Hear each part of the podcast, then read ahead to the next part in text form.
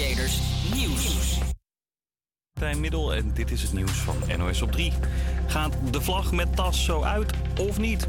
Bijna 150.000 scholieren horen vanmiddag of ze geslaagd zijn. Alleen flink balen voor VMBO, basis- en kaderleerlingen. Zij moeten nog een week wachten op hun uitslag. Dom geregeld, zegt ook onderwijsminister Wiersma. Het is gewoon heel stom, het is balen. En dat moet volgend jaar natuurlijk niet weer gebeuren. De reden dat VMBO'ers het dit jaar later horen heeft te maken met de planning van examens. De minister belooft dat er volgend jaar gewoon weer één uitslagdatum is voor iedereen. De vrouw die ervan wordt verdacht oud-minister Sander Dekker van zijn fiets te hebben getrokken, is voorlopig weer vrij. Ze wordt wel nog steeds verdacht van mishandeling. Dekker viel van zijn racefiets nadat de vrouw hem bij zijn arm greep. Hij brak daardoor meerdere ribben, een sleutelbeen en zijn bekken. In het centrum van Winterswijk in Gelderland was een grote brand. Het vuur zou zijn ontstaan in een schuur en sloeg over naar een huis. Door de krappe straatjes lukte de brandweer moeilijk om de boel te blussen, maar dat is nu toch gelukt. Mensen die in de buurt wonen moeten nog wel hun ramen en deuren dicht houden tegen de rook. In ons land wonen steeds meer 100-plussers. Op dit moment zijn er ongeveer 2500 mensen die al langer dan een eeuw leven. Het zijn vooral vrouwen. Over het algemeen worden die iets ouder dan mannen. De meeste 100-jarigen wonen in Drenthe en in Zeeland. En je hoort de laatste tijd veel berichten over inflatie en hoge prijzen. Snoop Dogg voelt dat ook en wil zijn personeel helpen. De rapper laat weten dat hij het salaris van zijn bluntdraaier vanwege de inflatie heeft verhoogd. Blunts zijn een soort sigaren met marihuana erin. Snoop Dogg heeft dus iemand in dienst die die dingen vol tijd voor hem draait, vertelde hij in een podcast. If you're great at something that I need, I'm hiring. Snoop, I, I gotta ask, what is it? What, what, what, how do you figure out a salary for this guy? That's somewhere between forty and fifty thousand dollars a year. Ja, de bluntdraaier verdiende dus al tussen de 40 en 50.000 dollar per jaar, plus gratis wiet. Dat salaris is dus nog verder omhoog gegaan. Het weer, flinke periodes met zon vandaag, maar in het midden en zuiden kan soms ook een bui vallen. Het is een graad of 20. Morgen droog en iets warmer. Outsiders. Leuk dat je luistert naar de Outsiders. Mijn naam is Marlijn en naast mij staan Cynthia, Jeroen en Rico. Het is vandaag alweer de allerlaatste uitzending en daarom hebben we een leuk programma voor je in petto. We hebben namelijk een interessant interview over windmolens met Lian Heijnhuis van de PvdA en Camille Verberne van Windalarm. De kalender van Cynthia natuurlijk en ook Rico's review. We verklappen niet te veel, dus blijf zeker luisteren. Outsiders.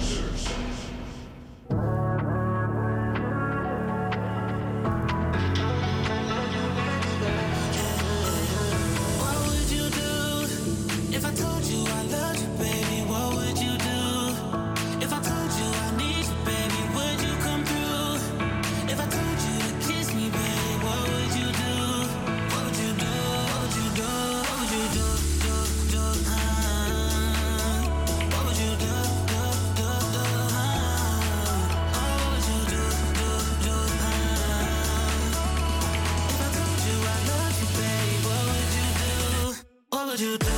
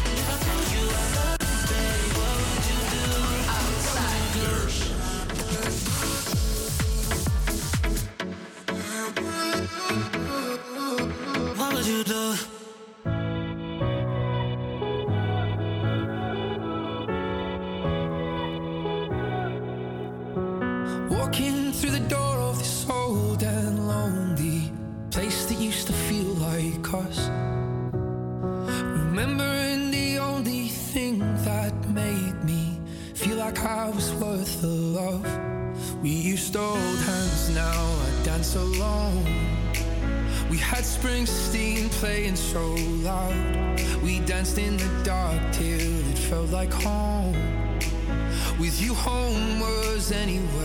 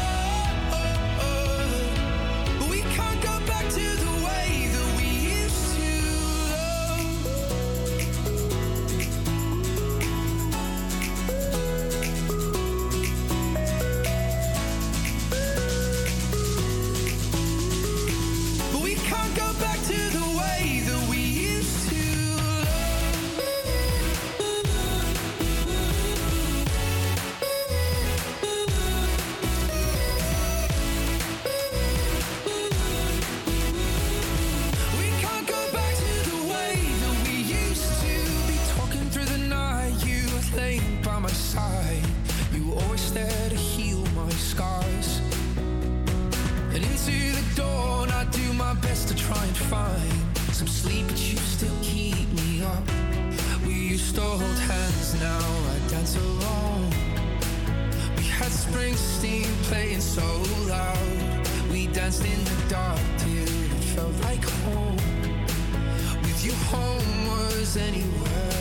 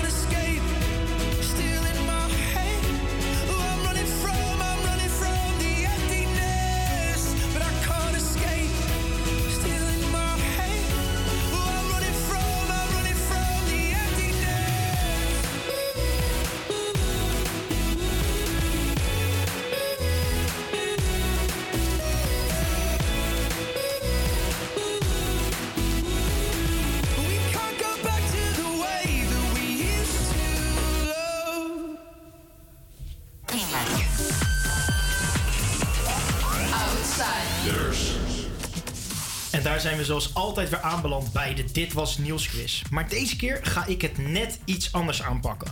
Normaal gesproken ga ik altijd de straat op om de nieuwskennis van de mensen uit Amsterdam-Noord te testen. Dit heb ik wel 13 keer gedaan. Maar voor de 14e en laatste uitzending ga ik, net iets, ga ik het net iets specialer aanpakken. Want, want voor mij staan mijn drie mede-presentatoren die de nieuwsquiz hebben gevolgd voor de afgelopen weken. Maar weten zij het nieuws van de afgelopen we- 13 weken nog uit hun hoofd? Dat, ga, daar ga ik nu achter komen. En, eh, en ja, ik heb jullie allemaal een papiertje voor jullie gegeven eh, met een pennetje of een stift. En jullie kunnen eigenlijk gewoon meeschrijven. En voor de, voor de luisteraar, speel ook zeker mee. Misschien weet jij het nieuws nog wel van de afgelopen 13 weken. Moet het echt, Jeroen? Ja, dit gaan we Ja? echt doen. Het Ja. Dit is niet best, jongens. Nee, afkijken. hè? Nee. Nee, niet spieken. We gaan, eh, nou, we gaan maar gewoon beginnen. Een paar maanden geleden werd er een man opgepakt naar aanleiding van een dubieuze mondkapjesdeal aan het begin van de coronacrisis, waarmee hij miljoenen euro's heeft verdiend. Wat is de naam van deze man? Is dat A. Bert van Dalsem? Is dat B. Sjoerd Sjoerdsma? Is dat C. Siewert van Liende? Of is dat D. Sven Koopmans? Moeten we dat nu gelijk zeggen? Schrijf maar op. Eerst. Oké. Kijk, ik zie C, ik zie C. En jij, ik heb ook C. Ook C, ja. Dus allemaal Siewert van Liende. Ja. Nou, wisten jullie het nog? Ja. Ik eh, keek toevallig een beetje met eh, Cynthia mee. Nou, dat is niet de bedoeling. Nep dit, nep, nep, nep. Jij bent Ja, ik weet nog dat we samen op straat waren en dat we dit gingen vragen aan mensen. Dus eh, ik heb goed Ja, Oh, opgelet. dus jij bent nog scherp gewoon. Ja, ja, goed hè? Ja, jij bent eh, lekker Ja. bezig. Ik volg het nieuws gewoon, jongens. Lekker doen. Nou, dat is ook Goed bezig. Dat, kijk, dat is, de, hele- dat is de hele bedoeling hier natuurlijk van. Nou, gaan we naar de tweede vraag. Welk restaurant is in Noord een paar maanden geleden overvallen... waarbij een medewerker is mishandeld? Is dat A, plek? Is dat B, ijver? Is dat C, Eetcafé Robio? Of is dat D, Eetcafé La Chambre? Ik zie A, ik zie nog een keer A en... En nog een keer aan. Het is gewoon weer helemaal... Ja, het is ook goed. Het is zeker, het is zeker plek. Ja, want die uitzending zouden we plek gaan spreken in de studio. Tenminste, of we een eh, reportage op gaan nemen. Klopt, dat zou En toen weet ik nog dat ze af hadden gebeld. Omdat er inderdaad die, eh, ja, dat, Dat was die overval gebeurd. was gebeurd. Ja, klopt. Tragisch. Ja, ja, ja, ja. Heel tragisch. Het is, ja, het is, het is tragisch dat dat is gebeurd natuurlijk. Maar ik zou eerst even zeggen, heeft iedereen alles opgeschreven? Want daar zien we natuurlijk niks. Nee, maar ik, eh, ik, kijk- ik, ik kijk wel, komt helemaal goed. Gaan we naar de derde vraag. Eh, dit keer nu de sportvraag. Zoals elk jaar speelt Ajax de altijd beladen wedstrijd tegen Feyenoord. Maar wat is de bijnaam van deze wedstrijd? Is dat A, de kraker? Is dat B, de klapper? Is dat C, de derby? Of is dat D, de klassieker? Ik doe even mijn hand ervoor hoor, dan kan Rico niet meekijken. Ik hou anders mijn- mijn dingetje wel een beetje omhoog. Dan kunnen jullie het zien. Nou.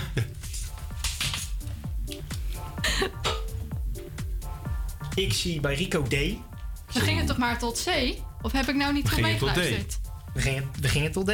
Daar heb ik niet goed meegeluisterd, nee. Ja, ik ik was weer aan een het keer D, maar tussen. Cynthia weet het mee. wel, want Ik dat is weet het het. wel, het is de klassieker. Natuurlijk is dat de klassieker. Maar dat was toch Maar D? Ja, dat was D. Nee, dat was D. Ik heb Maar- C, maar ik zat Nee, niet mee maar- te luisteren. maar- Ja, ja, Maar Marlijn, maar. Marlijn, de kraker? Nou, Ah. ik heb ook drie question marks erachter staan. Geen idee. Maar, eh, ja, Cynthia, jij bent natuurlijk een echte Ajax-fan. Weet je nog hoeveel, wat, hoeveel het was geworden? We gaan het er niet over hebben, toch?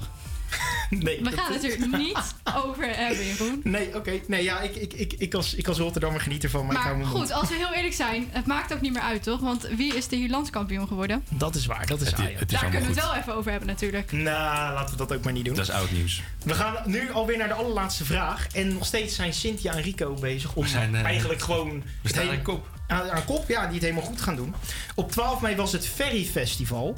Hier bracht kunstenaar Koos Buster een ode aan een bepaald voertuig... wat een echte plek heeft in Amsterdam en in Amsterdam-Noord. Maar wat is dit voertuig? Is dit A, de Van Moofiets? Is dit B, de Kanta? Dat zijn die kleine invalidewagentjes. Is dit C, straatraceauto's? Of het D, is het D, de normale fiets? Ik zie bij Rico B... Ik zie bij Merlijn ook B. En ik zie bij Cynthia ook weer B. De Kanta. De Kanta, ja. Ja. Op de pont. op de pont, de kant op de pont. Ja, het is helemaal goed. Jullie, Cynthia en Rico hebben het gewoon... Het is geweldig. Wat geweldig. Wat een nieuwskennis. Wat goed, goed zijn wij, hè? Ja, nou, ik ben op zich wel trots. Marlijn zit ook dichtbij, maar één foutje. Dus, eh, dus dat is niet heel slecht. Maar ik vond die kanta's wel een dingetje, hoor. Toen ik voor de eerste keer in Amsterdam-Noord kwam. Van alle kanten komen die dingen langs je afrijden als je daar loopt. Ja, je Ik ben dat helemaal niet van, eh, Opgevoerde Nee, ik dingetjes. ook niet. Even winnen. Ja, en, en het En is hoe natuurlijk... eruit zien, hè? Ja, dat, ja. Ja. het- het- Leuk het- panterbekledingje van binnen. ja dat, dat, is altijd wel, dat is altijd heel erg humor. Maar ja, super bedankt voor het luisteren naar de allerlaatste Dit Was Het Nieuwsquiz. Maar ook al stop ik met de quiz, moet jij natuurlijk niet stoppen met het nieuws lezen, lezen luisteren en kijken. Straks de weetje dag. Maar eerst nog Angel, No Angel van Davina Michelle.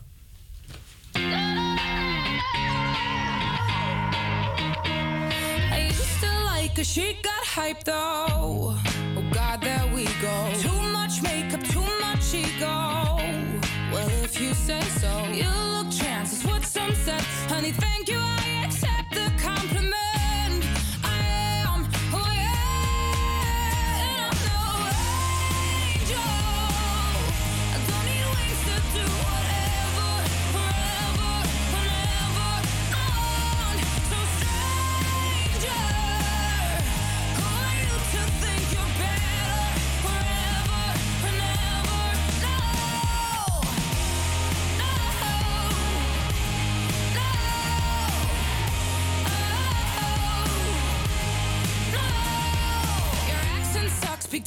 Psycho. De wereld is groot.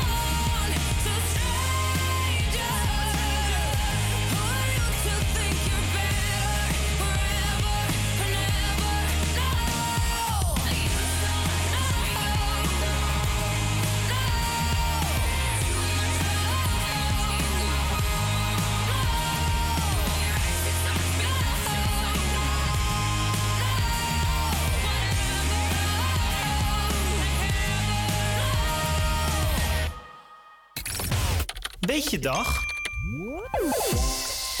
Ja, en het is weer tijd voor Weetjedag. Het is vandaag donderdag 9 juni en vandaag is het Donald Duck Dag. En Donald Duck is een wekelijks verschijnend Nederlands tijdschrift met ja, vooral eigenlijk stripverhalen. Het blad is vernoemd naar de eend Donald Duck en die speelt eigenlijk ook in heel veel verhalen de hoofdrol. En daarnaast komen er ook allerlei andere figuren natuurlijk voor in de tekenfilm en in de stripwereld van Walt Disney en Carl Barks. En ja, in 2020 lag de oplage in Nederland nog rond de 202.000 met 180.000 abonnees. Dat vind ik zelf nog best wel veel. En de eerste uitgave van het blad was op 25 oktober 1952. En Donald Duck komt eigenlijk in best wel veel verschillende landen uit, vooral in Europa. Kan je denken aan België, Luxemburg, Frankrijk, Griekenland, Italië, Oostenrijk, Portugal, Spanje en Noorwegen. Dus als je bijvoorbeeld je grenzen wil verleggen en lekker veel talen wil leren, kan je ook altijd beginnen met de Donald Duck. Maar goed, genoeg over Donald Duck. Ik wil het namelijk ook nog even hebben over de eindexamens. Tienduizenden eindexamenleerlingen van TL, HAVO en VWO krijgen namelijk vandaag de examenuitslag.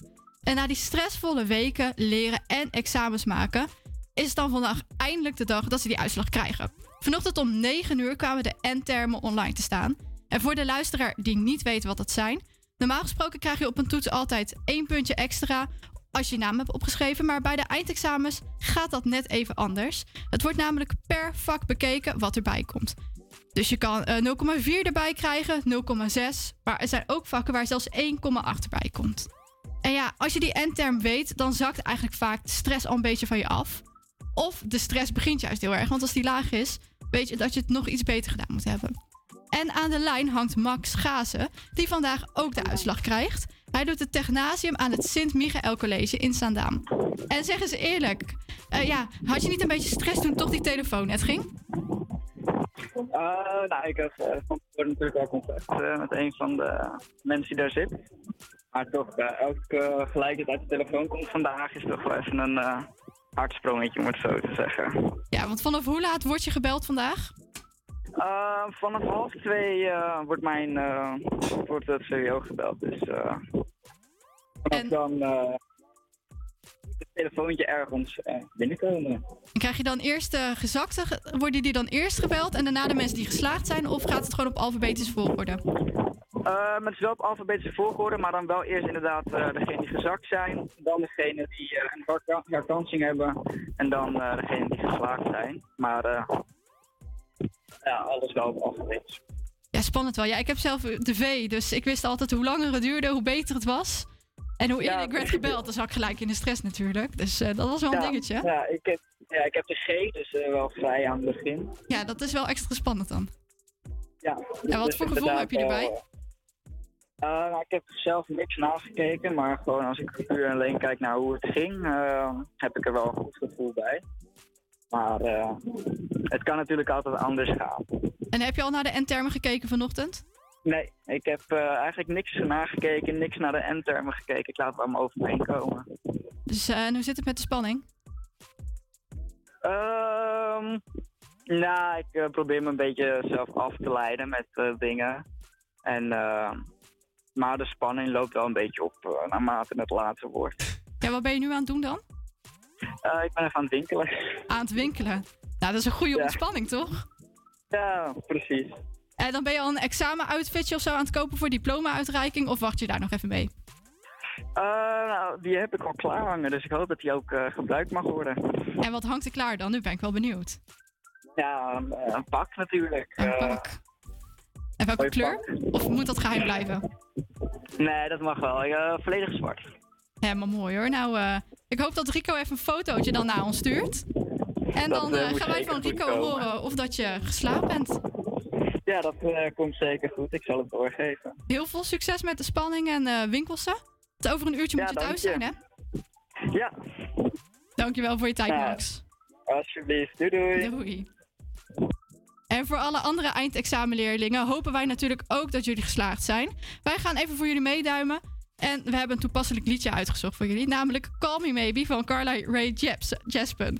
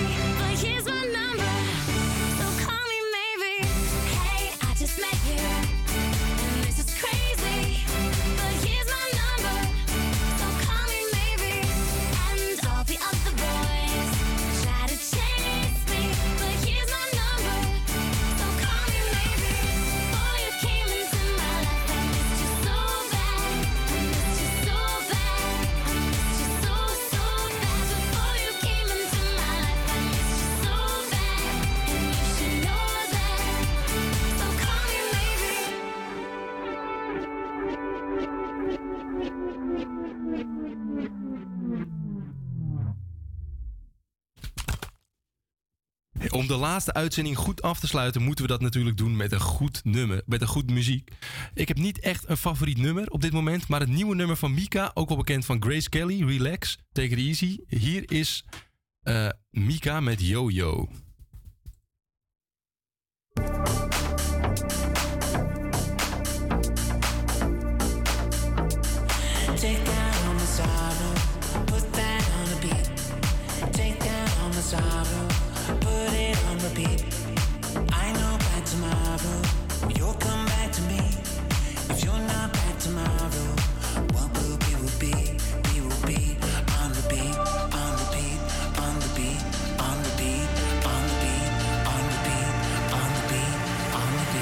Take me high, high, high, take me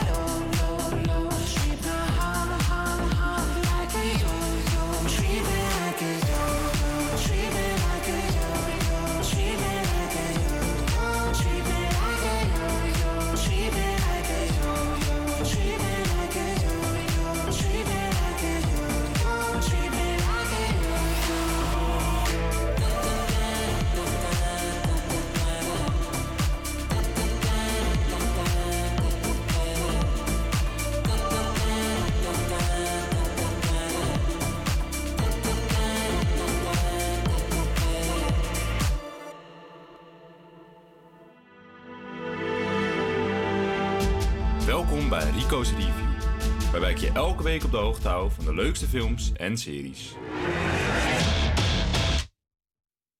Geweest en heb deze week weer een aantal toppers voor je die je lekker kan gaan kijken.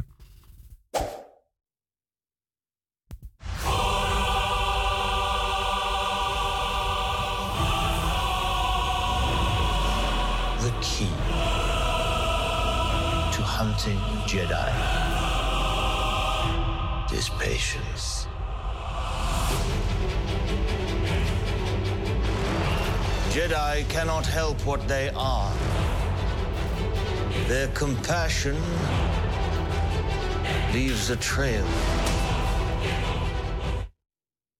Mij was de dag dat Obi-Wan Kenobi op Disney Plus verscheen. En dit was dezelfde datum als dat eh Stranger Things op Netflix verscheen. Die het indrukwekkend goed deed. Waanzinnig zelfs, als je het aan mij vraagt. Eh, door deze scores blijft Obi-Wan een beetje achter, naar mijn mening. En voor degenen die hem niet, nog niet kennen... Obi-Wan Kenobi, gespeeld door Ew- Ewan eh, McGregor... is een Jedi in het Star Wars-universum. Eh, en de leraar van ja, Darth Vader voordat hij slecht werd. Hij is te zien in de eerste vier delen van de reeks... en nu dus ook in zijn gloednieuwe serie. De serie speelt zich af tussen deel 3 en 4. Vanaf het moment dat Obi-Wan samen met het kind van Darth Vader naar de planeet Tatooine wo- wordt gestuurd. Eh, aangezien Obi-Wan Kenobi een bekende Jedi is en de vijanden alle Jedi willen vermoorden, wordt hij opgejaagd. Wat vooral voor de fans een leuke toevoeging is, is dat eh, Darth Vader gespeeld wordt door de acteur die Anakin Skywalker, a.k.a. eh, Darth Vader speelde in de eerste drie delen, namelijk Hayden Christensen mooi vind is om te zien dat we na zoveel jaar eindelijk een deel krijgen te zien van wat er in die tijd tussen deel 3 en 4 met Obi-Wan heeft afgespeeld. Wat met hem gebeurde eigenlijk. En het is, een, ja, het is een prima serie vol actie en bekende gezichten. En de eerste drie afleveringen zijn nu te zien op Disney+. Plus. De serie krijgt van mij een 8.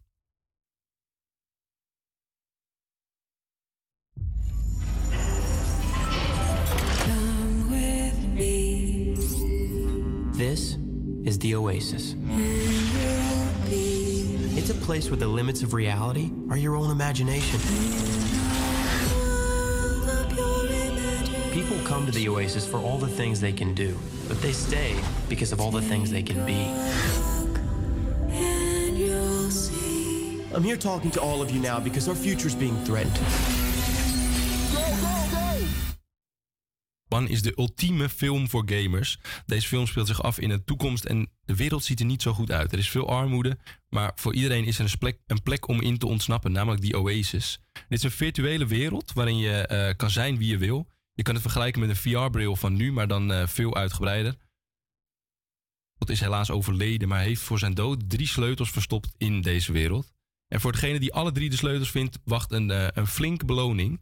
Eh, iedereen speelt dit spel, waaronder Wade Watts. Hij is naast een hele hoop anderen ook op zoek naar deze drie sleutels. Maar helaas is er een heel groot bedrijf die zich volledig focust op het vinden van deze sleutels. En dit bedrijf heeft een hele hoop macht. Doordat er in de virtuele wereld veel mogelijk is, kom je ook veel be- bekende gezichten tegen van eh, ja, videogames of films. En dit is een leuke toevoeging. Voor de game, gamefan is dit zeker een aanrader, maar ook voor de niet-gamer is dit zeker een amuserende film. Ready Player One staat sinds kort op HBO Max en krijgt van mij een 7,5.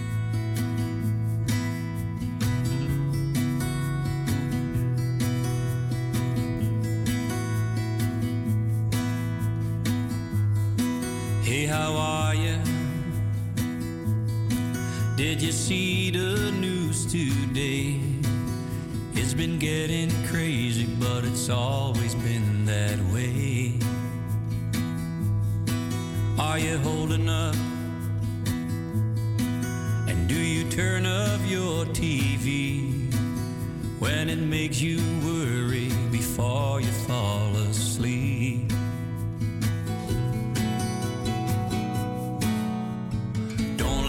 Bring you down. Don't let it bring you down.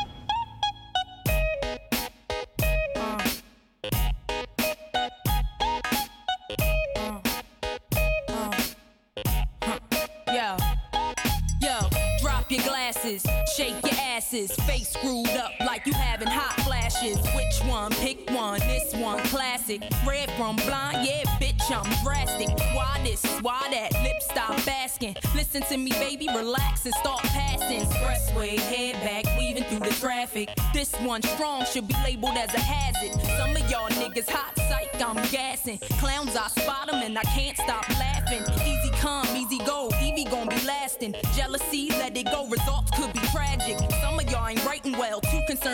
fashion. None of you ain't Giselle, can't walk and imagine. A lot of y'all Hollywood drama, cast it, cut bitch camera off,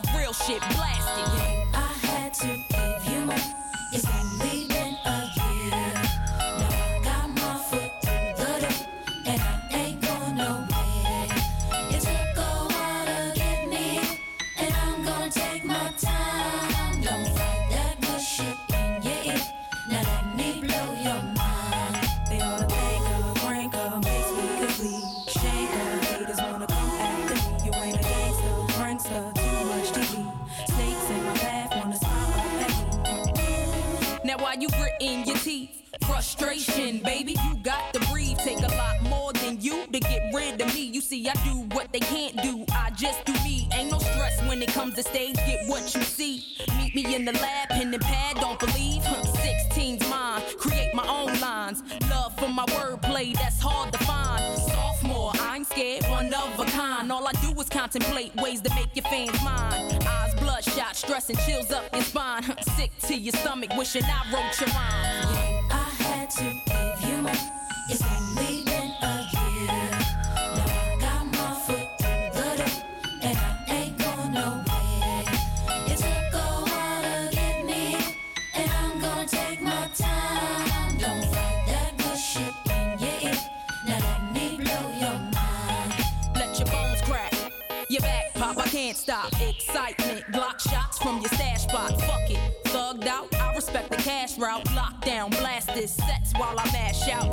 Nigga, mash out. D R E. Backtrack, think back. E V E. Do you like that? Yeah, you got to. I know you. Had you in the trance, first glance from the flow too. Believe I'll show you. Take you with me. Turn you on, tension gone, give you relief. Put your trust in the born winner, listen to me. Damn, she much thinner, no, now I'm complete. Uh huh, still styling on. Brick house, pile it on. Ride or die, bitch, double R. Can't strong. Beware, cause I crush anything I land on. Me here ain't no mistake, nigga, it was planned on. I had to give you my.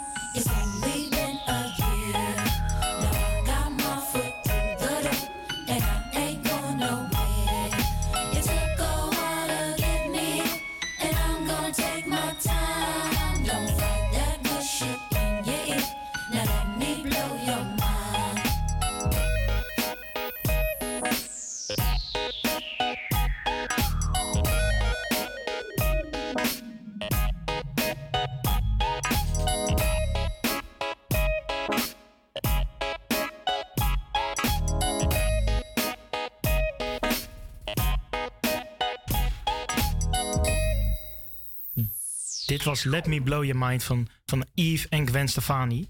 Eh, straks hoor je een gesprek over de bouw van mo- mogelijke bouw van windmolens in Amsterdam-Noord. Dus met Camille Verberne van Windalarm en Lian Heijnhuis van de PvdA. Maar daar moet je nog heel eventjes op wachten. Want eerst ga je nog eventjes luisteren naar Harry Styles met Late Night Talking.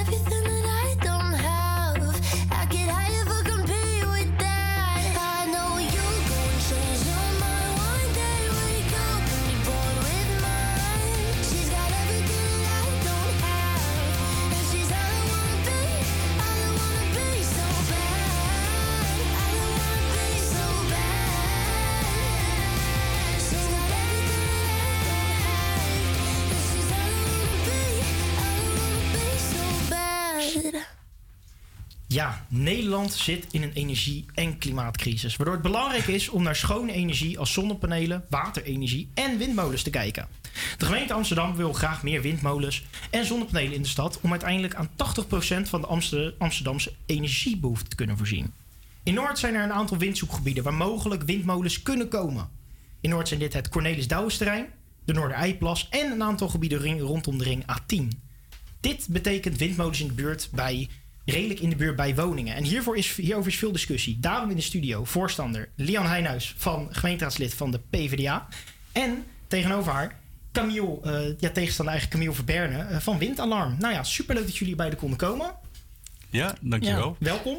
Ja, dankjewel. En eh, nou ja, ik zal hem eigenlijk maar gewoon gelijk optra- eh, aftrappen met de eerste vraag voor, voor, voor jou, Lian. Ja. ja, ik moest jou zeggen, geen u. Dus dat komt helemaal goed. Daar zal ik zeker op letten. Eh, nou ja, onderzoeksbureau TNO heeft aangetoond dat het plaatsen van een windmolen in 2030 kan gaan zorgen voor het achterblijven van een woning waar dat een woning achterblijft met waarde van zo'n 3,8% ten opzichte van dezelfde woningen waar geen windmolen bij in de buurt staat. Daarnaast vinden mensen het ook een vervelend aanzicht en eh, zijn zij soms tegen de windmolens. Blijkt uit eh, ja, eigenlijk een, een stijging van de tegenstand van de bewoners tegen windmolens van 19% in 2020 naar 36% in zo 2022. Mevrouw Heijnhuis, hoe, of eh, Lian, hoe kijk je hier tegenaan? Ja, eh, dank voor de vraag. Ehm, ik denk een hele belangrijke vraag ook die je stelt. En het is ook hè, die weerstand, je gaf het al aan, nou, Camille als, als tegenstander en ik als voorstander. We hebben elkaar ook al vaker gesproken. En het is een onderwerp hè, wat breed leeft in de stad en waar heel veel discussie over gevoerd wordt. Eh, en ik denk dat dat goed is, laat ik dat vooropstellen. Ik denk dat het heel goed is om te discussiëren, wat willen we nou eigenlijk met de stad? Hoe komt de stad eruit te zien?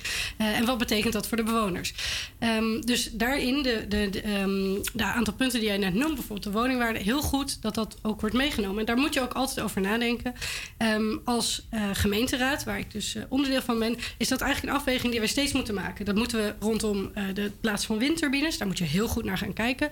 Maar het is natuurlijk een afweging die op meerdere vlakken plaatsvindt. Je moet daar bijvoorbeeld denken aan dat mensen, sommige mensen hebben erg last van wegverkeer, maar ook voor de luchtwegen. Dus die willen meer elektrisch rijden of minder verkeer in de stad. Terwijl andere mensen juist weer afhankelijk zijn van een auto om ergens te komen, omdat ze minder mobiel zijn. En die willen juist met de auto overal kunnen komen. Nou, zo heb je steeds in de stad eh, veel tegenstellende belangen eh, waar je naar moet kijken.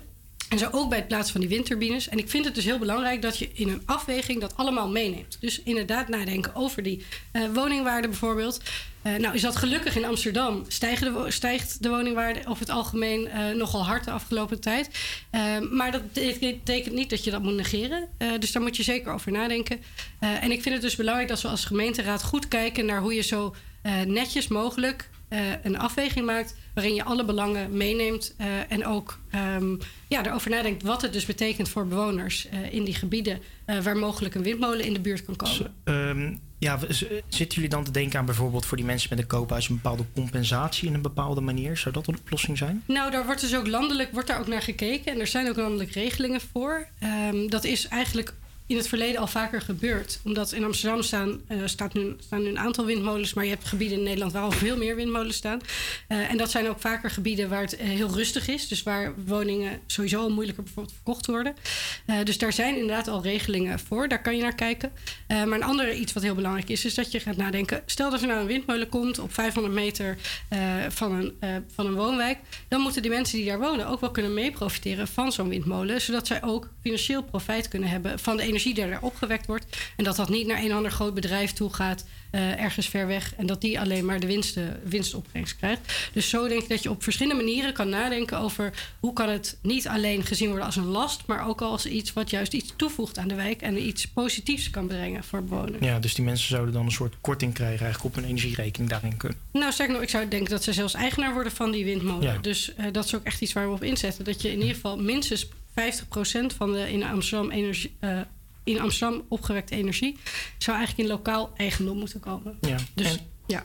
En, en, en, en eh, Camille, ik, eh, je, je hoort dit nu allemaal aan. Dus ehm, eigenlijk van, nou, de mensen gaan mee profiteren dan dus in de energie. Hoe kijk jij daar dan tegenaan? Ehm, nou, er zijn eh, zeven zoekgebieden en die zoekgebieden zijn eigenlijk al meer dan tien jaar oud. Ehm, eh, twee zoekgebieden liggen in Noord, Noordereiplas, Cornelis Douwsterrein en Ring A10. En er zijn energiecoöperaties opgetuigd, bewonerscoöperaties. Ehm, En eh, dat zijn de initiatiefnemers. Daar zijn de omwonenden ook mee in gesprek. Alleen het is een proces wat, ehm, ja, eh, wat, wat eigenlijk een soort rijdende trein is. En wij zijn heel laat uitgenodigd als omwonenden om eh, daarover mee te praten. Dus er is eigenlijk al gezegd van we willen 17 windturbines, we willen 50 megawatt extra windvermogen neer, gaan plaatsen in Amsterdam binnen de stadsgrenzen. Eh, en dat kan eigenlijk alleen als ze dus op minder dan 600 meter van woningen worden eh, geplaatst.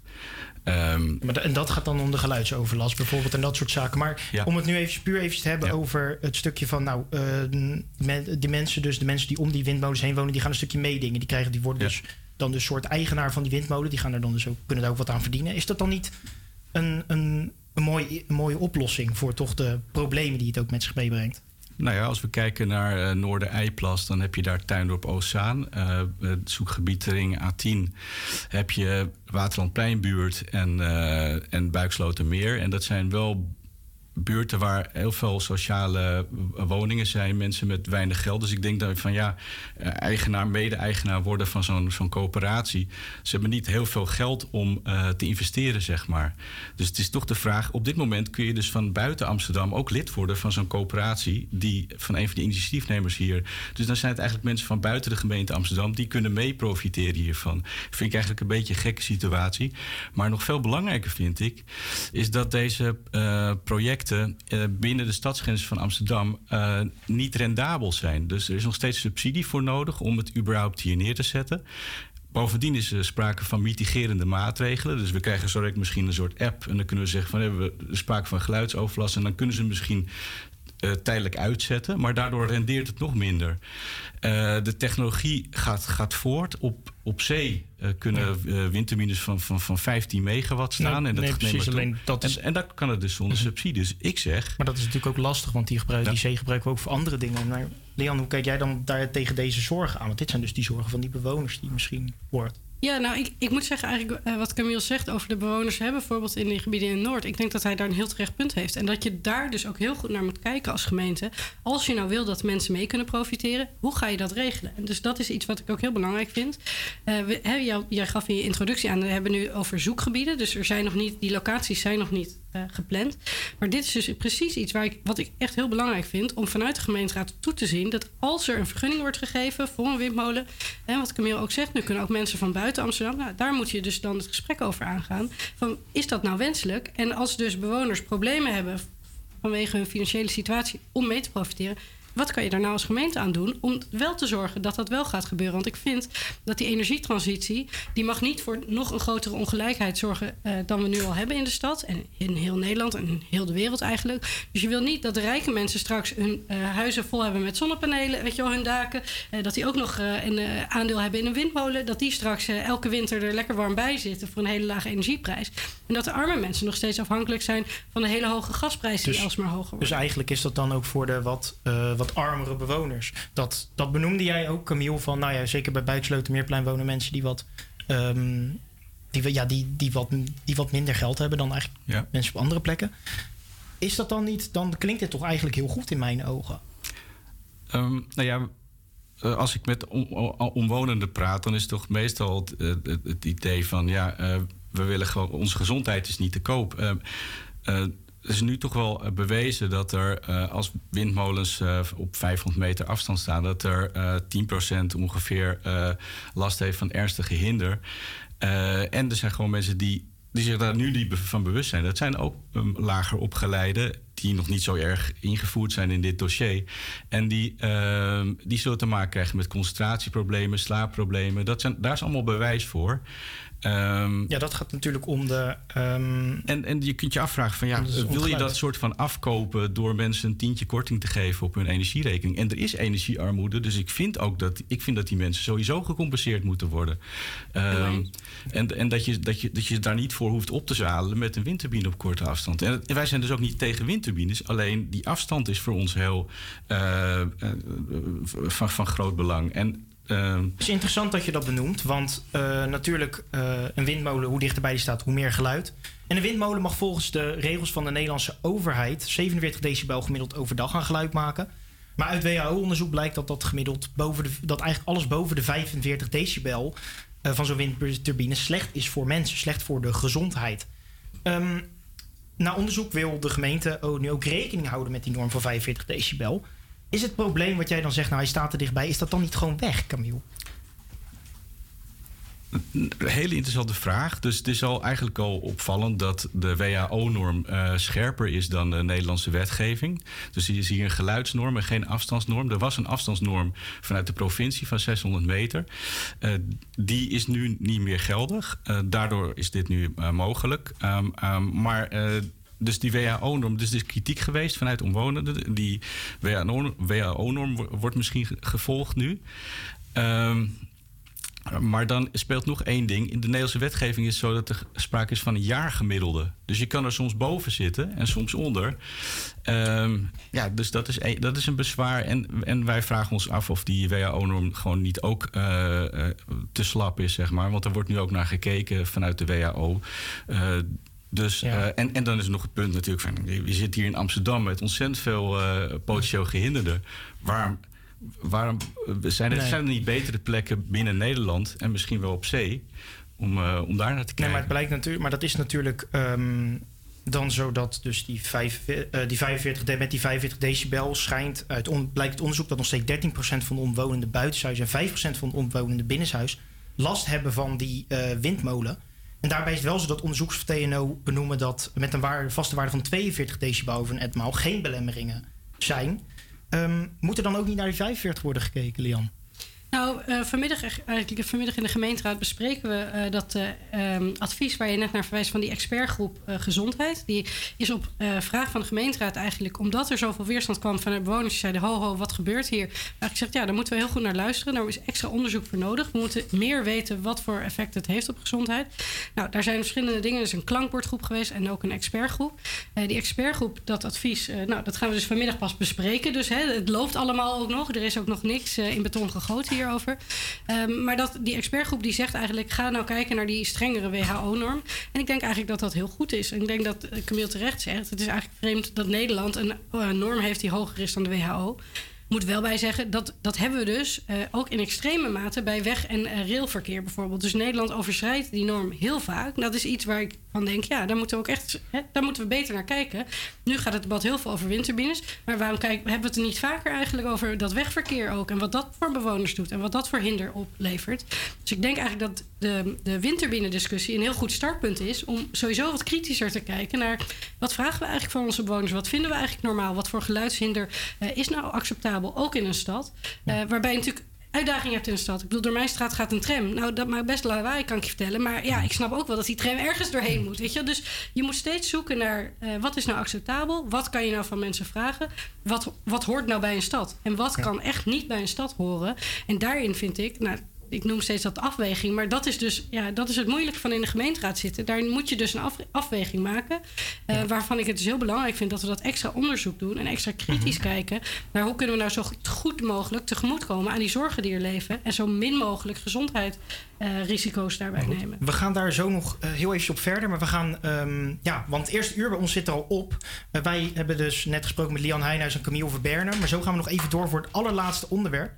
Rico heeft eigenlijk in het uur zijn, aller, zijn allerlaatste filmtips aan ons gegeven. En Cynthia heeft jullie alvast eh, verteld over de Weetjedag. Blijf vooral luisteren het komende uur. Maar nu het nieuws. APA Campus Creators Nieuws. Goedemiddag, ik ben Martijn Middel en dit is het nieuws van NOS op 3. De man die gisteren inreed op een menigte in Berlijn had psychische problemen. Volgens de burgemeester van Berlijn heeft hij meerdere warrige verklaringen afgelegd die nog moeten worden ontcijferd. Politie in Duitsland heeft het over een amoktaat, vertelt correspondent Wouter Zwart. Amok maken klinkt in het Nederlands misschien wat klein. Hè? Ruzie zoeken, eh, problemen zoeken. In het Duits laat het zich echt een heel stuk eh, zwaarder vertalen. Het is echt een term die gebruikt wordt voor iemand die compleet door het lint gaat en iets vreselijks begaat, zoals een moord. De man reed in een winkelstraat in Berlijn een vrouw dood, 14 anderen raakten gewond. Een vrouw van 22 uit Limburg is verdronken in een zwembad in Amerika. Het gebeurde in een dorpje in de buurt van Boston. Daar werkte ze als au pair. Wat er precies is gebeurd weten we nog niet. Volgens lokale media gaat de politie in ieder geval niet uit van een misdrijf. Dorpsbewoners zijn een inzamelingsactie gestart voor haar uitvaart in Nederland. In het noorden van het land rijden er de hele dag minder Arriva-treinen. Tot 8 uur vanavond ben je een half uur extra onderweg op de trajecten rond Groningen. Komt door personeel, personeelstekort. Vorige week schrapte Arriva daarom ook al een aantal ritten. En een slokje bier of wijn proeven van je ouders. Voor veel jongeren is het dé manier om alcohol te leren kennen. Maar volgens Trimbos kun je dat beter niet doen. Ze trappen vandaag een nieuwe campagne af. Het is volgens net een biertje. Zullen we dat doen? Nou. Liever niet. Die hersenen zijn nog volop in ontwikkeling. En alcohol remt die ontwikkeling. Nou, dat weet je toch niet? Sommige ouders denken dat het voorzichtig proeven een goede oefening is. Maar volgens Trimbos werkt dat juist averechts. Of het nou gaat om alcohol drinken of om blowen of om roken. Zo'n eerste keer is eigenlijk altijd een beetje onwennig en spannend. En je weet natuurlijk helemaal niet hoe je gaat rea- reageren, hoe het moet. En dat zorgt voor een natuurlijke drempel. En die drempel wil je als ouder niet wegnemen door je kind thuis te laten drinken of een slokje te laten drinken. Want na zo'n eerste keer volgt veel gemakkelijker een tweede en een derde keer, et cetera.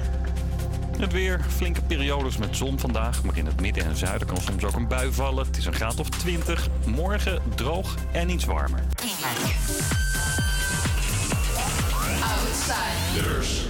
Leuk dat je nog steeds luistert naar de Outsiders. Mijn naam is Cynthia en naast mij zitten nog steeds Rico, Jeroen en Marlijn. Het laatste uur is voor ons alweer aangebroken en ook dit uur hebben we weer een leuke planning. We hebben een interview met Simon de Boer van Tiny Showroom en we gaan luisteren naar onze eigen favoriete nummers en de weekendagenda van Marlijn. Maar nu eerst gaan we nog eventjes terug naar Jeroen over het interview met de windmolens. Yes, ja, we waren net natuurlijk al in gesprek met Camille Verberne en Lian Heijnhuis over de, over de windmolens. En we gaan nu eigenlijk naar het laatste stukje eh, van dit onderwerp.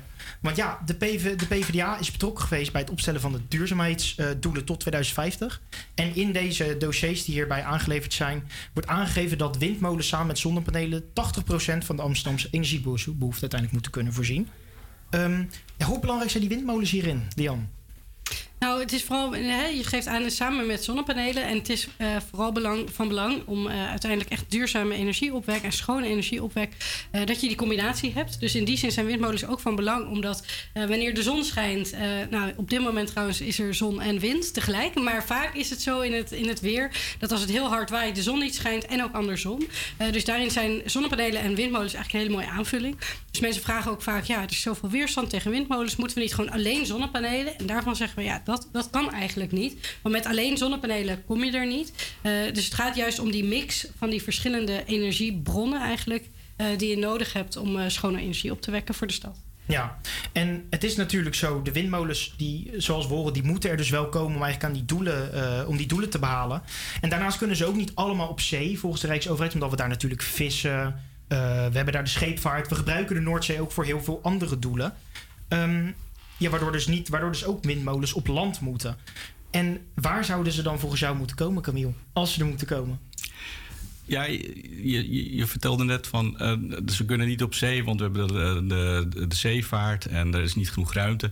En dat is ons dus anderhalf jaar terug ook al gezegd. Niet alleen door eh, politici, maar ook door mensen uit de media. Ik heb iemand van Nieuwsuur-redactie gesproken en die zei eh, anderhalf jaar terug van, er is geen ruimte op zee. En nieuwe kabinet is helaas geen linkskabinet. ehm, eh, heeft gezegd van ja, we moeten, er moet toch meer. Dus, dus, dus wel veel meer ruimte. En we gaan flink uitpakken op zee ook. Klopt, maar dat zijn natuurlijk de landelijke plannen, maar we hebben ook de regionale doelen. Want je hebt ook regionale doelen die gehaald moeten worden. Absoluut. Eh, dus de, de, de sprake van een regionale energiestrategie. Eh, en dan is het ook zaak dat je goed samenwerkt met andere, eh, met buurgemeenten. En we zien dat dat de afgelopen twee jaar ook niet goed gegaan is. Eh, eh, er zijn veel buurgemeenten, eh, Zaanstad, Oostzaan, Landsmeer. eh, eh, ook aan, aan, de zuidkant van, van, van eh, eh, Rondevenen. En, en daar wordt dat overleg met de wethouder is niet helemaal goed gegaan.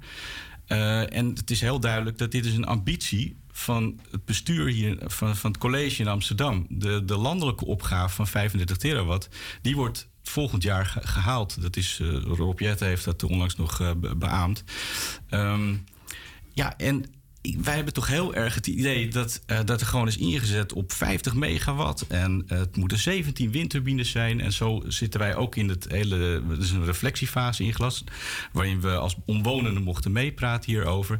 En de, tijdens de eerste sessie is gezegd door een ambtenaar: van ja, het worden er gewoon 17 en dit en dat, heel star. En eh, er is gewoon op een gegeven moment voortschrijdend inzicht. Het is op zee nu, kan het zonder subsidie.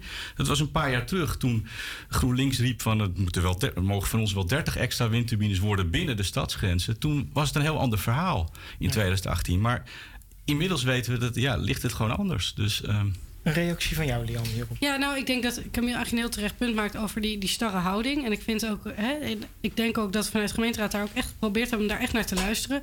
Ehm, omdat ik dat heel terecht vind. Dus ik, ik vind inderdaad, je moet niet zeggen, kost wat het kost, komen er 17 windturbines. Nee, dat, dat vind ik niet. Ehm, wat ik wel vind is dat je moet kijken naar waar kan het. En als het nou... Dus hè, de andere kant op zou ik ook zeggen... Ik zou ook zeggen, kost wat kost, komen ze er helemaal niet. Kijk, dat, dat vind ik dan ook weer geen eh, constructieve houding. Ehm, dus ik vind eigenlijk... eh, nou, eigenlijk ben ik het, eigenlijk ben ik het best wel eens eh, wat Camille hier nu zegt. Omdat ik het heel goed vind dat je steeds met elkaar kritisch kijkt van... Is het A nodig? Blijft het nodig? Nou, daarvan denk ik nog steeds... Ik vind het ook wel prettig als we in Amsterdam gewoon zelf energie kunnen opwekken. Juist hè, omdat je ziet ook... En dat gaat dan bijvoorbeeld over Russisch gas... Maar je wil gewoon niet afhankelijk zijn van één bron ergens ver weg. Dus ik zou ook niet alleen maar afhankelijk willen zijn van die wind op zee. Maar we moeten wel heel kritisch naar die plannen kijken. Zijn ze nog nodig? Zijn ze haalbaar? Eh, en kan het op een veilige manier die niet de gezondheid onnodig schaadt? En dat vind ik dus, eh, daarin zeg ik dus ook, je hoeft niet per se 17 windturbines. Maar stel dat er nou 17 veilig kunnen, waar, hè, zodat dat mensen er geen last van hebben. eh, of op een minimale manier, waardoor we wel heel goed kunnen bijdragen aan die klimaatdoelstellingen die we in Nederland hebben.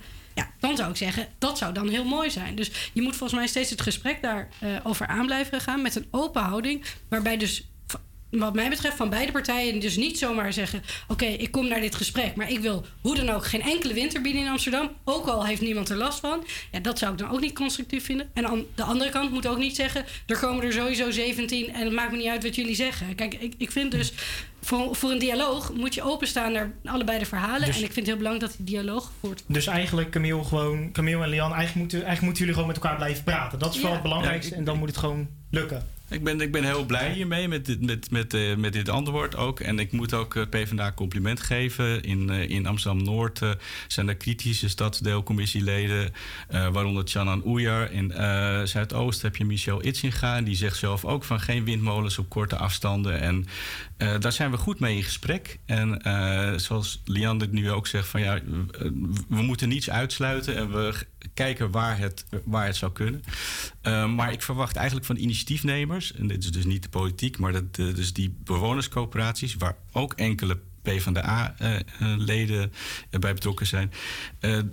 eh, ik vind dat die bewonerscoöperaties ook moeten kijken of we misschien kunnen participeren in wind op zee. Want in België wordt er bij omwonenden 250 miljoen euro opgehaald om te investeren op zee. En in Kopenhagen staat een windpark op Eigenlijk moeten we dus gewoon naar alles, alles blijven kijken, Ja. zo gezegd. Ik denk eigenlijk wel, eh, zeker door dit hele gesprek, dat de luisteraar echt heel veel wijzer is geworden over dit onderwerp en over de windmolens. En dus eigenlijk wat de uitkomst is, is gewoon blijven praten. Ik wil jullie beiden heel erg bedanken. Wij hebben, jullie hebben, je hebt geluisterd naar een interview met Camille Verberne van Winterlarm en Lian Heijnhuis van de PvdA. Nu gaan we nog eventjes naar Complete Mess van 5 Seconds of Summer. Leuk. Caught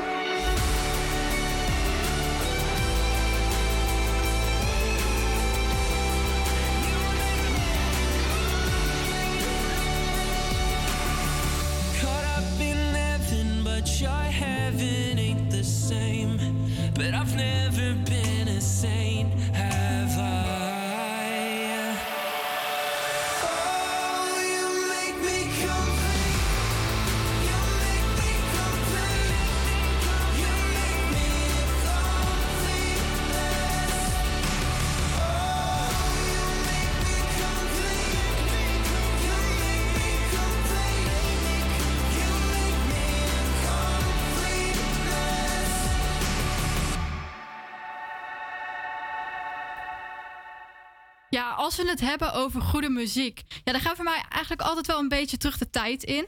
En voor mij is Michael Jackson echt wel een legende in de muziekwereld. Eh, ik heb een nummer gekozen dat voor mij best wel heel veel betekent.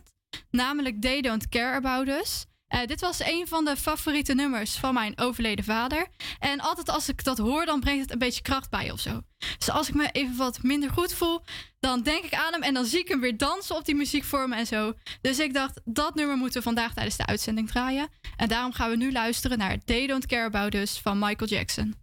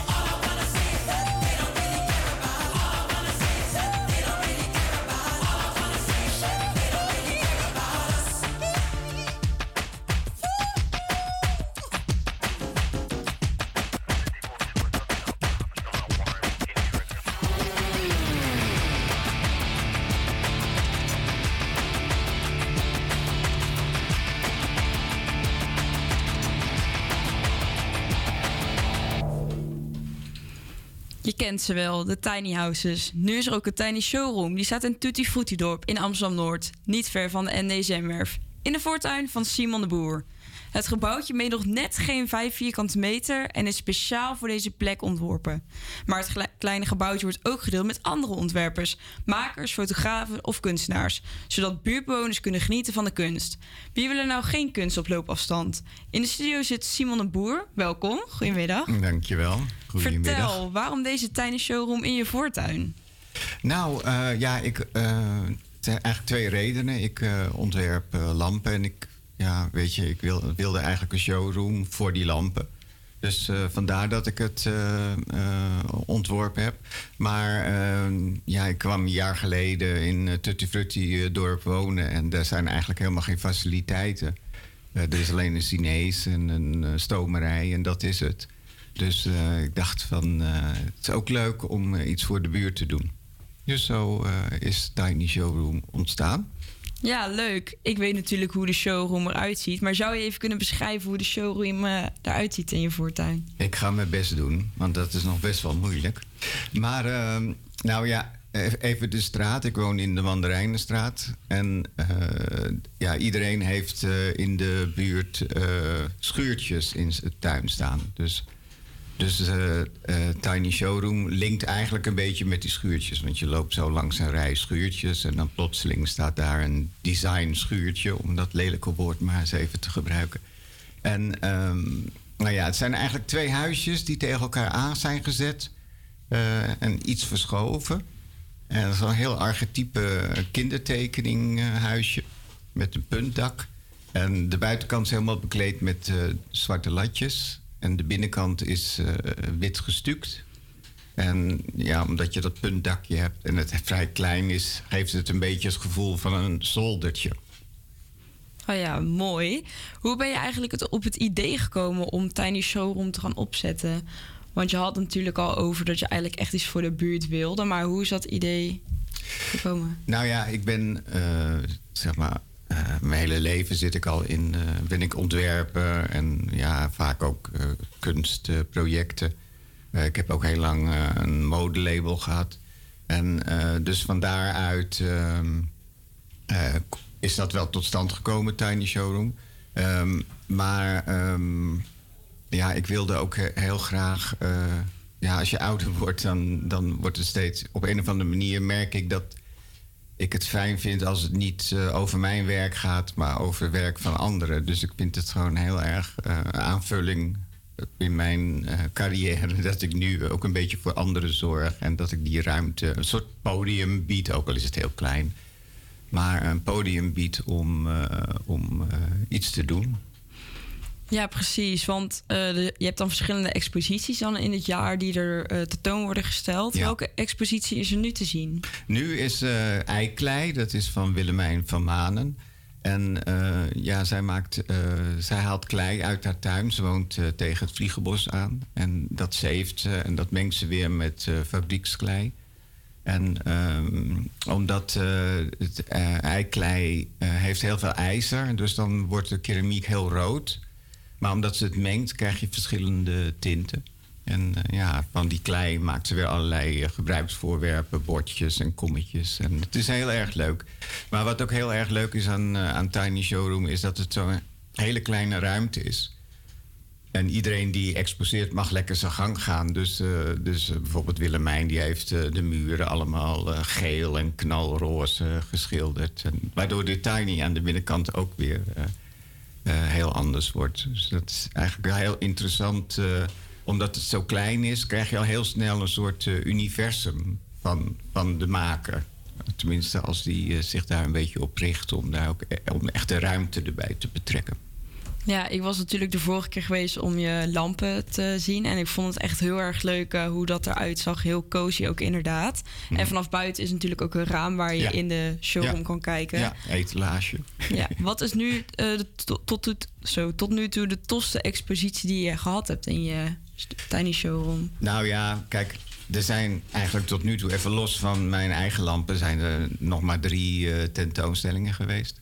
Ehm, eh, en ik vind eigenlijk elk, nogmaals, eh, weer terugkomend op dat universum, vind ik eigenlijk el- elke tentoonstelling heel erg leuk. Maar de allereerste was van eh, Yvonne Trossel en zij is glasblazer. En zij heeft allemaal hele kleine figuurtjes gemaakt van kralen, een soort sprookjesfiguren. En die stonden in de tiny showroom, hadden we helemaal verduisterd. Dus het raam was ook afgeplakt. En er hing een zwart gordijn waar je doorheen moest. En dan kreeg je bij binnenkomst kreeg je een eh, zaklampje mee. En dan moest je zelf in, het, in de duisternis op zoek naar die eh, sprookjesfiguren. En die sprookjesfiguren kregen daardoor ook weer hele grote schaduwen op de muur door die zaklamp. Dus dat was echt heel, eh, ja, dat was ook een hele leuke manier van exposeren. Oh ja, maar tot leuk. nu toe, eh, ja, ik werk eigenlijk op de. Als een tentoonstelling geweest is, blijft dat op de website staan. Dus er ontstaat eigenlijk vanzelf een soort archief eh, van alle tentoonstellingen die zijn geweest en van al het werk wat er eh, te zien was. Dus, eh, dus ik ja, kijk er heel erg naar uit eh, om over een jaar er weer eens even helemaal doorheen te scrollen en dan te zien wat er allemaal geweest is. Dus- Ja, leuk. Want is het ook alleen maar voor eh, kunstenaars uit Amsterdam-Noord? Of wil je eigenlijk in de toekomst heel Amsterdam hierin betrekken? Nou, weet je, eigenlijk is de hele wereld welkom. Ehm, ik vind het wel heel erg leuk als eh, het ook zo'n soort Noordbinding krijgt. Maar ik vind, ja, het is ook eigenlijk helemaal niet van de wereld om, eh, om, om je zo te beperken tot eh, een, zo'n klein eh, gebied. Ehm, en zeker, ja, ik heb toch ook wel een beetje de ambitie om het nog een beetje uit te bouwen tot een soort ja, echt alternatief op. ik, ik vind namelijk heel vaak in de stad dat bijvoorbeeld musea's, dat het allemaal heel erg dichtgetimmerd is en weinig ruimte laat voor interpretatie. Je kunt echt vaak zien dat tentoonstellingen gemaakt zijn om zoveel mogelijk bezoekers binnen te halen en zoveel mogelijk kaartjes eh, te verkopen. En ik, ja, ik vind zelf eigenlijk heel belangrijk dat er een beetje ruimte komt ehm, eh, daarin. Dus, eh, dus, dus dat vind ik eigenlijk het allerbelangrijkste. Dat er ook gewoon weer een soort dialoog tot stand komt tussen de makers en de bezoeker. Eh, zonder eh, dat het museum eh, al te dominant aanwezig is. Ja, want ik zag op je website dat er wel een afspraak gemaakt moet worden om langs te komen. Nou, nee, het Tiny Showroom is... als er een tentoonstelling is, zijn we in het weekend open. Van nou, twee tot vier. Eigenlijk was het vijf uur, maar ik heb een hond... en die, moet ik dan, die wil om vier uur uit. Dus dan moet ik de tent dicht doen.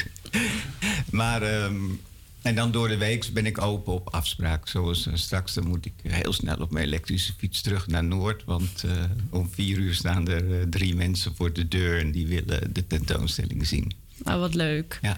Nou, heel erg bedankt eh, Nou, graag voor het gedaan. interview. Ik vond het erg leuk. Ik vond het ook leuk om hier te zijn. Mooi, dat is goed om te horen. Wil je ook langs bij de Tiny Showroom? Neem dus zeker even een kijkje. Je kan hier ook je kunst dus exposeren. Neem dan zeker even contact op met Simon de Boer via tinyshowroom.nl. Nu gaan we luisteren naar 100 keer van Suzanne en Freek. Ik heb al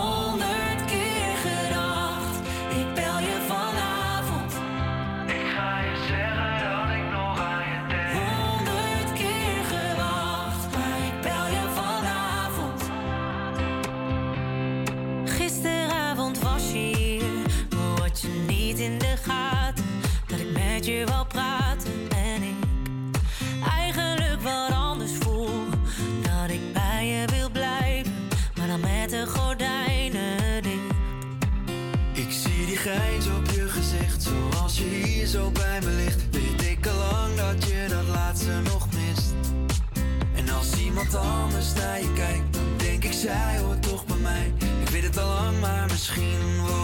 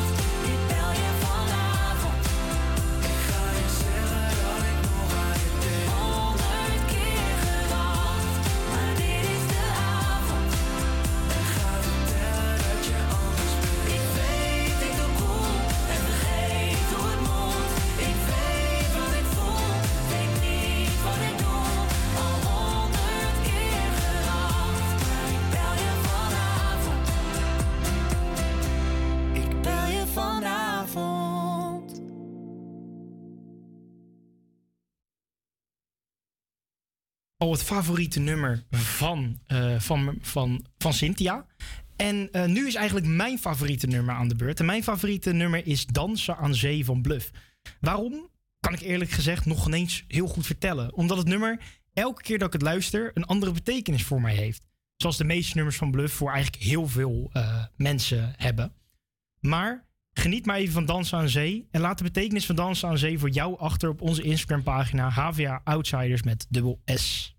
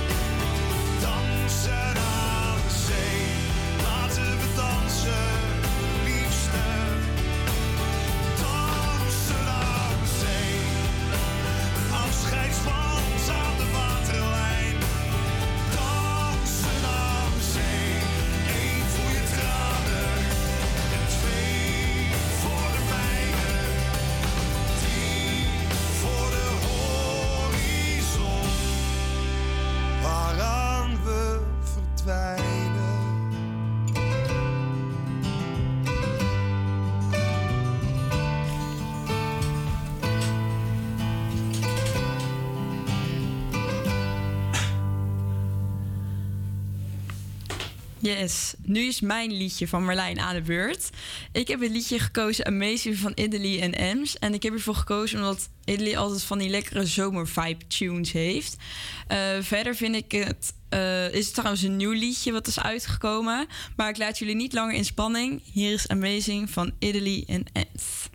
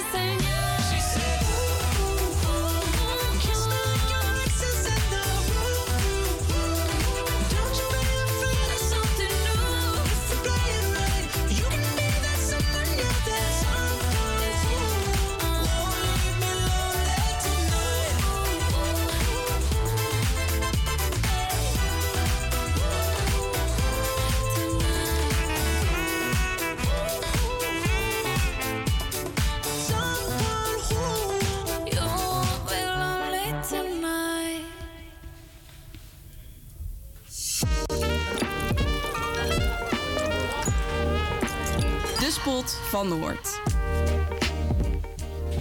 Leuk dat je luistert naar de allerlaatste weekendagenda. Deze vrijdag hebben we helaas nog wat donkere wolken boven de lucht. Maar zaterdag en zondag hebben we weer mooi weer. Heb je nog geen plan het weekend? Blijf dan zeker even luisteren.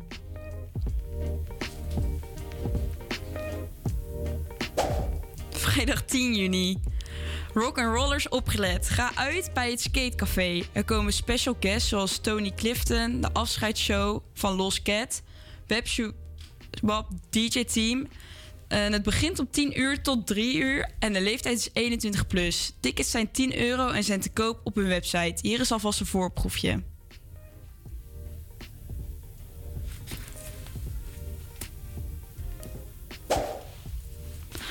Zaterdag 11 juni, Café Het. Het café bestaat al meer dan 100 jaar, maar dit bruine café is nog steeds, geen bezoekje, nog steeds een bezoekje waard. Met een vrij uitzicht op de Nieuwe Dammerhaven kun je hier heerlijk lunchen of aanschuiven voor een eenvoudig diner.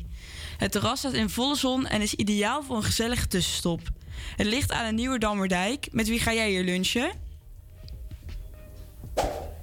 Zondag 12 juni, Korendag, bij de Buikslotenkerk. Twee jaar geleden kon dit jaarlijkse muziekfeest niet plaatsvinden vanwege de coronapandemie. Vandaag treden de volgende koren uit Amsterdam-Noord voor u op. Het Oudbadenkoor uit Tuindorp Ozaan, het Breedkoor, de Eigenwijze Noot, Vliegenboskoor, Double Dutch, Listen to the Music, Buikslotenkoor en het Nieuwe Dammers Santicoor. Het begint om half twaalf en de prijzen voor de entree is 12,50 en de kaartjes zijn te koop aan de deur. In de directe omgeving kan gratis worden geparkeerd.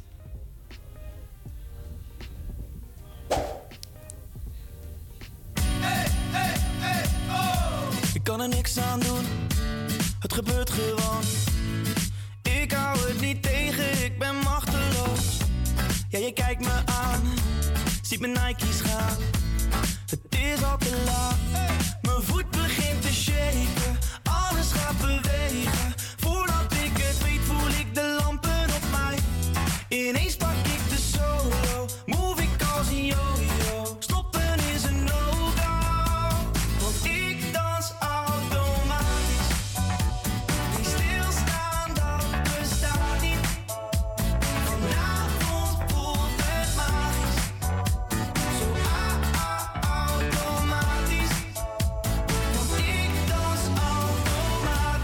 Ik snap het wel, dat je mee wilt doen. Stiekem aan het tikken met je linkervoet. Ik kijk je aan, zie je Jordans gaan. Het is al te laat, mijn hand begint te shaken. Alles gaat bewegen, voordat ik het weet voel ik de lampen op mij. Nog steeds heb ik de solo,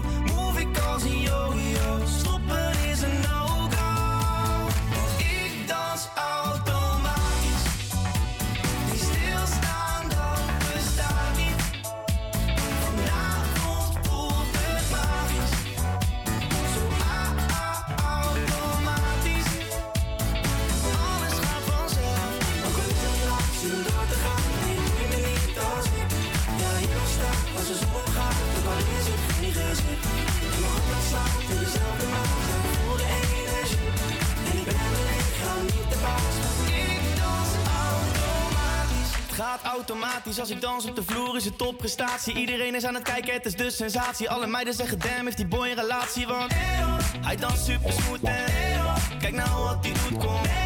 Dit is hoe het moet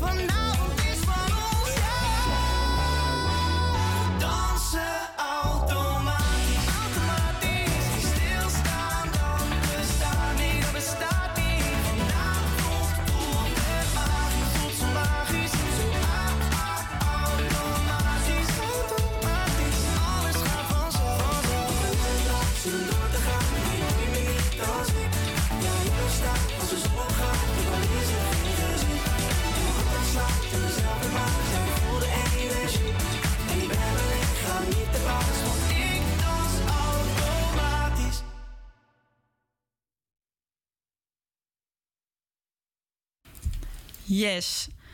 Eh, we gingen net iets even mis met de techniek, maar nu, nu hoor, hoor je alsnog even de rock and roll.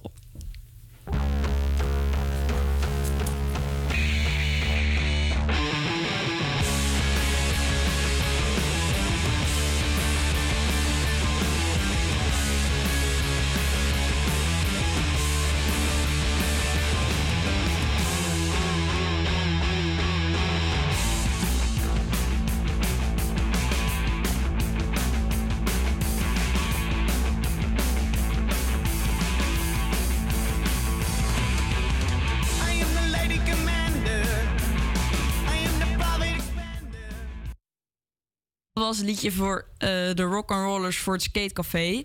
We hebben nu nog een laatste verzoeknummertje voor mijn lieve opa Louis. Omdat hij het zo'n mooi liedje vindt. Geniet ervan. Danny Vera met Rollercoaster.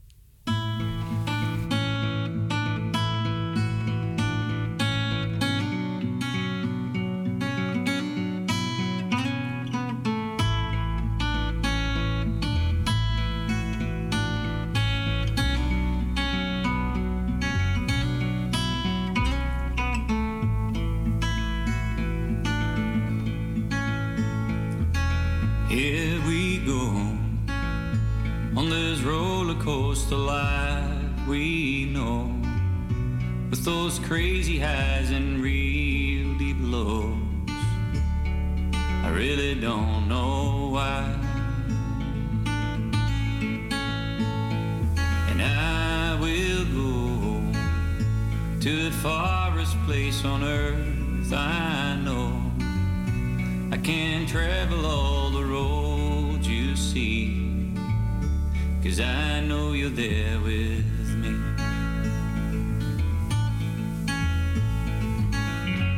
Don't have to slow me down, cause I will always be around. I will find my way back home where magnolia grows, where magnolia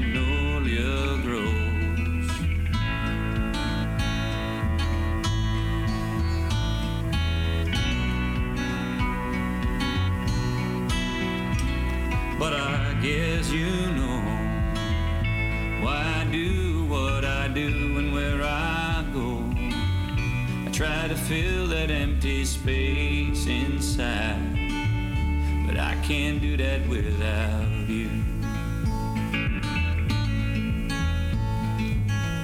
You're even with me in my dreams. I see us sail the seven seas. I will try to find my way.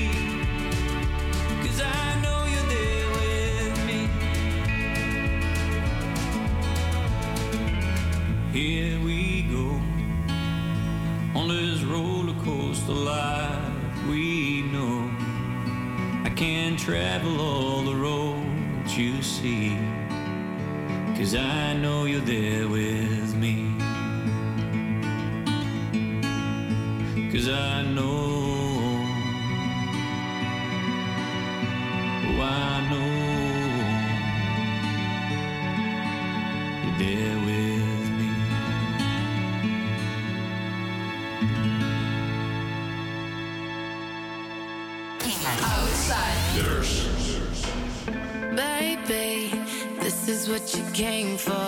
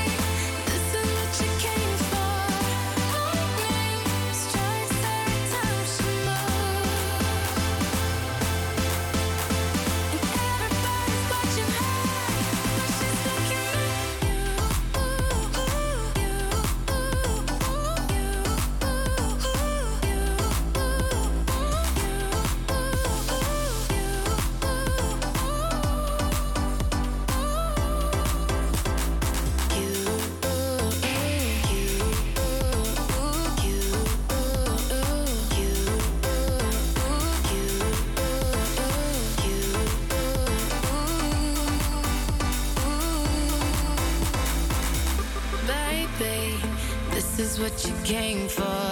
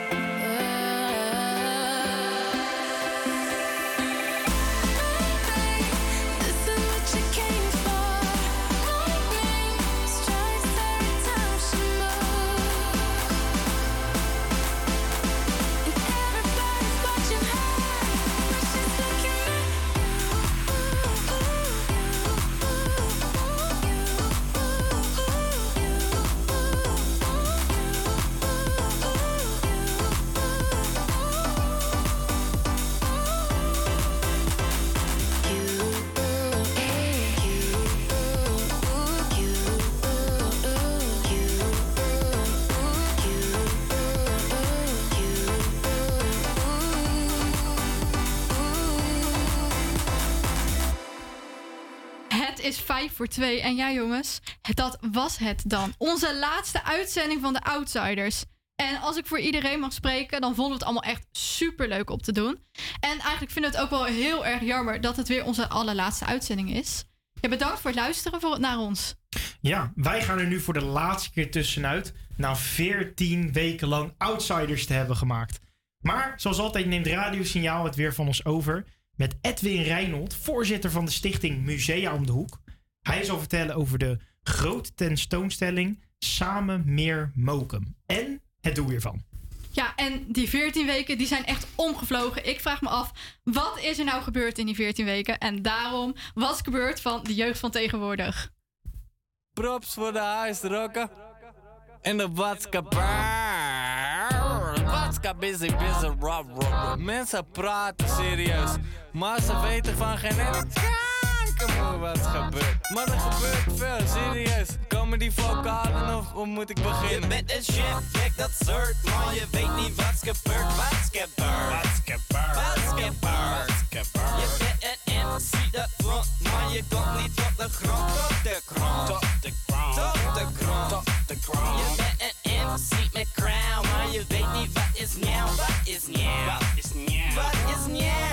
Je bent een chef zonder cloud en je bent niet body, body. Vieze Freddy is kapot. Vieze Freddy. Alsof je dat niet wist En ik drink tot de motherfucking fles leeg is En pas koe Als ik die flesjes in bezel Dan ben ik pas tang, yo uh. Voor je lacht maar ik maak hier geen motherfucking grappen. Bus uit mijn pik, je kan een lauw biertje tappen. Staat de space maar ben niet van Star Trek. Ook geen bassa bas, maar ik breek wel je nek Alleen uit mijn achterste. Moeders met dochters, ze verachten me. Ben van baksteen, alsof je dat niet ruikt. Want de een is dik en de ander gebruikt. Ik ben taag van de eerste klasse En je wast je handen altijd Ons het plassen, kijk me aan Je weet precies hoe laat het is Baksteen De rest is geschiedenis Je Zo. bent een kijk dat soort, maar je weet niet wat's gebeurd, wat's gebeurd. Wat's gebeurd, wat's gebeurd. Je bent een MC dat front, maar je komt niet op de grond, op de grond. Op de grond, op de grond, op de grond. Je bent een MC met crown, maar je weet niet wat is nieuw, wat is nieuw. Wat is nieuw, wat is nieuw. Je bent een chef zonder cloud en je bent niet body, body, body, body, body, body, body. Wat is nieuw, Kel?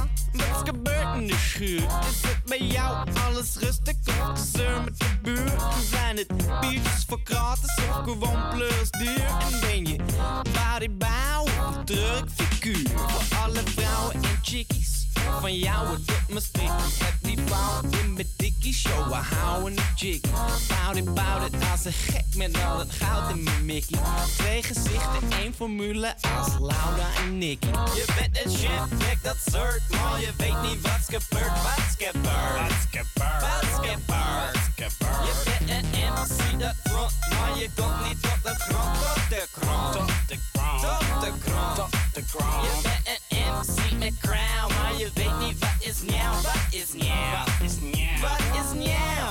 Je bent een chef zonder cloud en je bent niet body, body, body, body, body, body,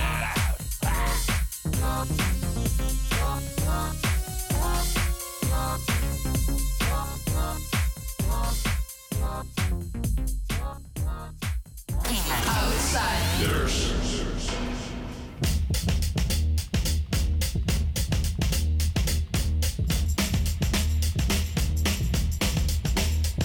Sometimes.